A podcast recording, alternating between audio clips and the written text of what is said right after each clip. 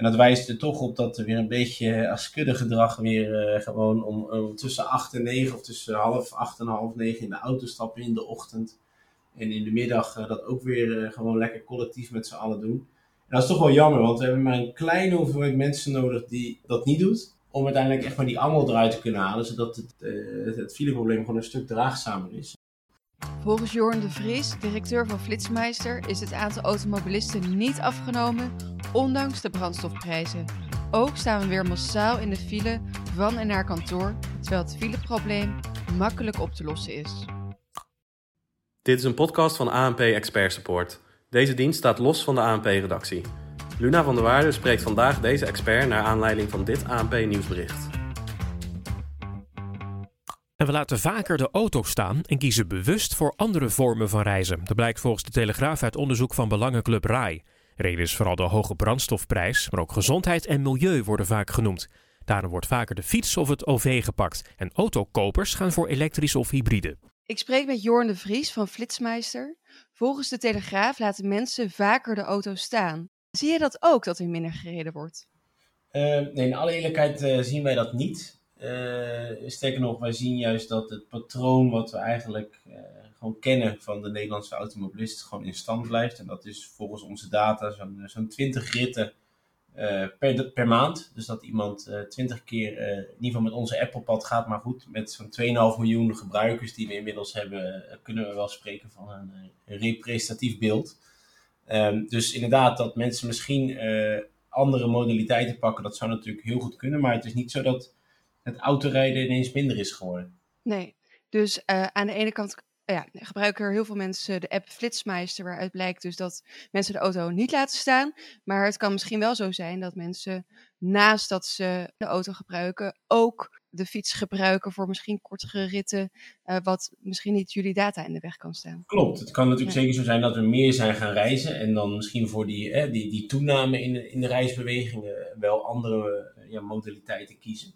Uh, maar binnen onze data, inderdaad, zien we gewoon nog volop activiteit op het wegennet. Ja, ja, precies. En als je dan kijkt naar dat wegennet, waar in het land wordt er dan bijvoorbeeld heel veel gereden en zijn er ook plekken waar je een afname ziet?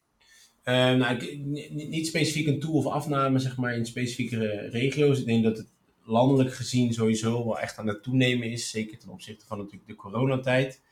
En je ziet gewoon, net als zeg maar qua huisvesting bij wijze van spreken, dat in de randstadgebieden elke het meeste verkeer rondrijdt. Wat natuurlijk heel logisch is, want daar wonen de meeste mensen. Um, en daar zie je natuurlijk wel dat de toename in verkeer dan ook tot exponentiële hoeveelheid drukte leidt in files. Ten opzichte van bijvoorbeeld in het oosten of in het noorden van het land, waar dat wat lager is. Maar we zien over de gehele breedte door heel Nederland gewoon een toename in, in, in het wegverkeer. Ja, ondanks de brandstofprijzen, want die schiet natuurlijk enorm omhoog. Uh, maar je hebt niet het idee dat de brandstof prijs uh, mensen laten auto te nemen? Uh, nee, in, in, in die zin niet. Wat ik zei, wij zien nog steeds dat mensen veelvuldig onderweg gaan. Wat wel misschien kan, is inderdaad dat, dat, dat mensen misschien wat kortere afstanden, maar ook dat zien we niet per definitie terug. Dus het lijkt er toch op dat we, ondanks dat we het allemaal heel vervelend vinden, wat het natuurlijk ook gewoon is, want dat zijn natuurlijk extreem hoge prijzen tegenwoordig, uh, ja, toch gewoon veel onderweg gaan. En dat, dat zal misschien ook te maken hebben met toch structureel bezoek aan het kantoor of werk waarin misschien die prijs wel wat minder zwaar meeweegt bij, eh, bij mensen in de afweging. Ja, precies. En je noemde net ook al eventjes de coronacrisis en nu ook, hè, mensen gaan weer vaker naar kantoor. Um, tijdens de coronacrisis was, was het een stuk rustiger op de weg en nu stapt een groot deel van de mensen weer in de auto. Um, maar zie je een verschil tussen de tijd voor corona en na corona, hoe laat mensen bijvoorbeeld in de auto stappen? Nou, we zagen dat verschil met name tijdens corona en voor corona, zeg maar, als we die vergelijking maakten. Want het, leek heel rustig op de weg, maar als we het over de totale dag bekeken, was het niet per se minder verkeer dan uh, daarvoor. Het was alleen veel beter verspreid. Uh, dat zien we nu nog steeds wel een beetje, maar we zien ook echt wel die, die klassieke pieken in de ochtend en zeker in de middag echt weer, weer volop terugkomen. En dat wijst er toch op dat er weer een beetje als gedrag weer uh, gewoon om, tussen 8 en 9 of tussen half 8 en half 9 in de auto stappen in de ochtend. En in de middag uh, dat ook weer uh, gewoon lekker collectief met z'n allen doen. En dat is toch wel jammer, want we hebben maar een kleine hoeveelheid mensen nodig die dat niet doet. om uiteindelijk echt maar die angel eruit te kunnen halen, zodat het, het fileprobleem gewoon een stuk draagzamer is. En ja, we hadden toch met z'n allen wel gehoopt iets meer te leren van dat hele verhaal dan dat we nu laten zien. ja, ja, want je zegt een, een klein aantal mensen. Hoe, hoeveel mensen of hoeveel procent van de weggebruikers zou dan op een andere tijd moeten rijden om het fileprobleem op te lossen? Ja, volgens onze, onze inzicht zou het 5% voldoende zijn om zeg maar echt die echte heftige spitsmomenten en structurele spitsen zeg maar weg te kunnen halen. Dus dat betekent dat we ja, allemaal gewoon uh, één dag in de week thuiswerken en dan niet allemaal op dezelfde dag, dan uh, moeten we een heel eind kunnen komen.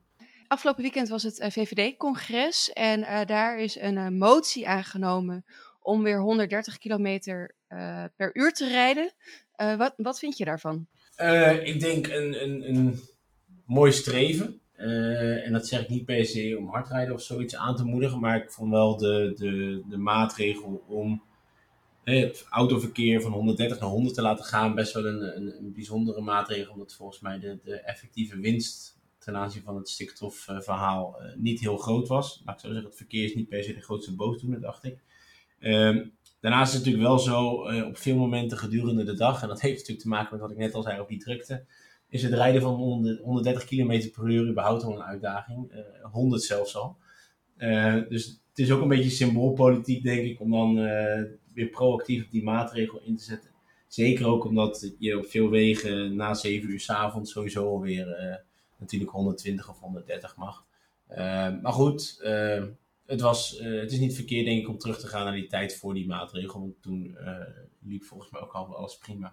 En toch een, beetje, een beetje meer door kunnen rijden is in ieder geval voor onze gemoedstoestand al prettig.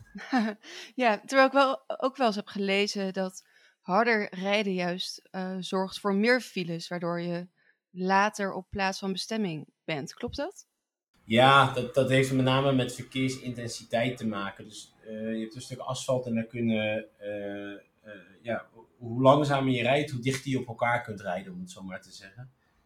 en je dus meer voertuigen op hetzelfde stuk asfalt kwijt kunt. Maar dat is wat ik net al zei, ook met de drukte in Nederland zeker als het dan gaat om capaciteit en files, uh, ja, dan leent het zich zeker op de drukke momenten toch niet voor om 130 te rijden.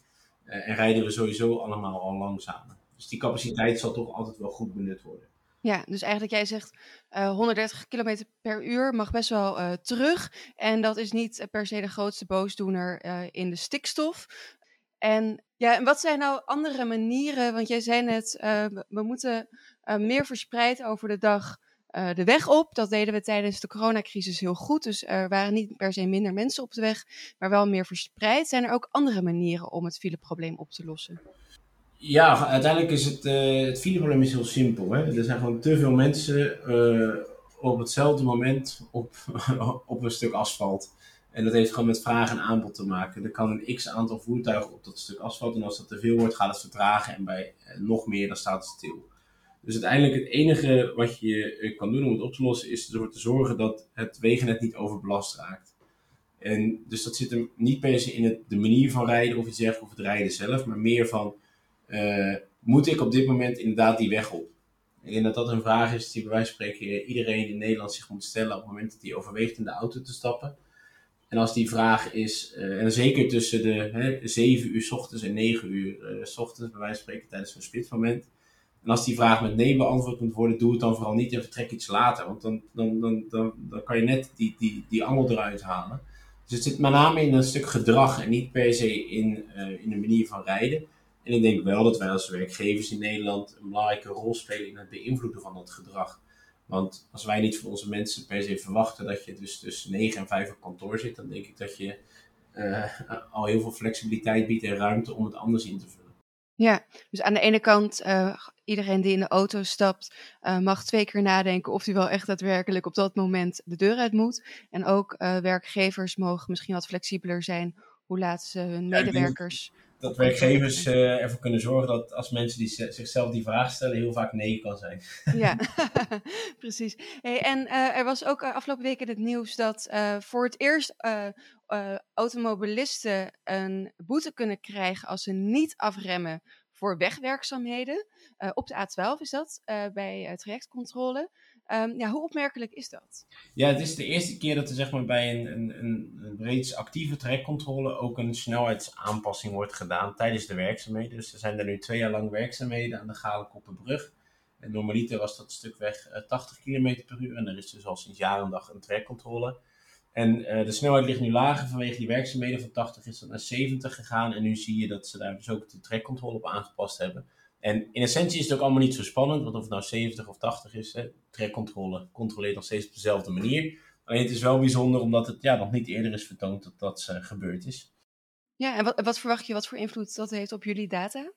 Uh, nou, ik denk met name dat we daar echt wel zullen gaan zien dat iedereen zich netjes aan die 70 km per uur zal gaan houden tijdens die werkzaamheden. Wat uiteindelijk ook gewoon goed is, want er zijn daar gewoon mensen aan het werk. Want die staan daar uh, in sommige gevallen zelfs hun leven te wagen, toch wel voor ons als automobilisten, zodat we een goed wegen het hebben. Dus, dus een kleine vorm van respect als je daar gewoon netjes even je snelheid aanpast. Ja, precies. Dus eigenlijk is het heel erg goed dat er nu uh, op gecontroleerd wordt en dat je een boete kunt krijgen. Jorne Vries van Flitsmeister, dankjewel. Deze en andere experts staan in de database van ANP Expert Support.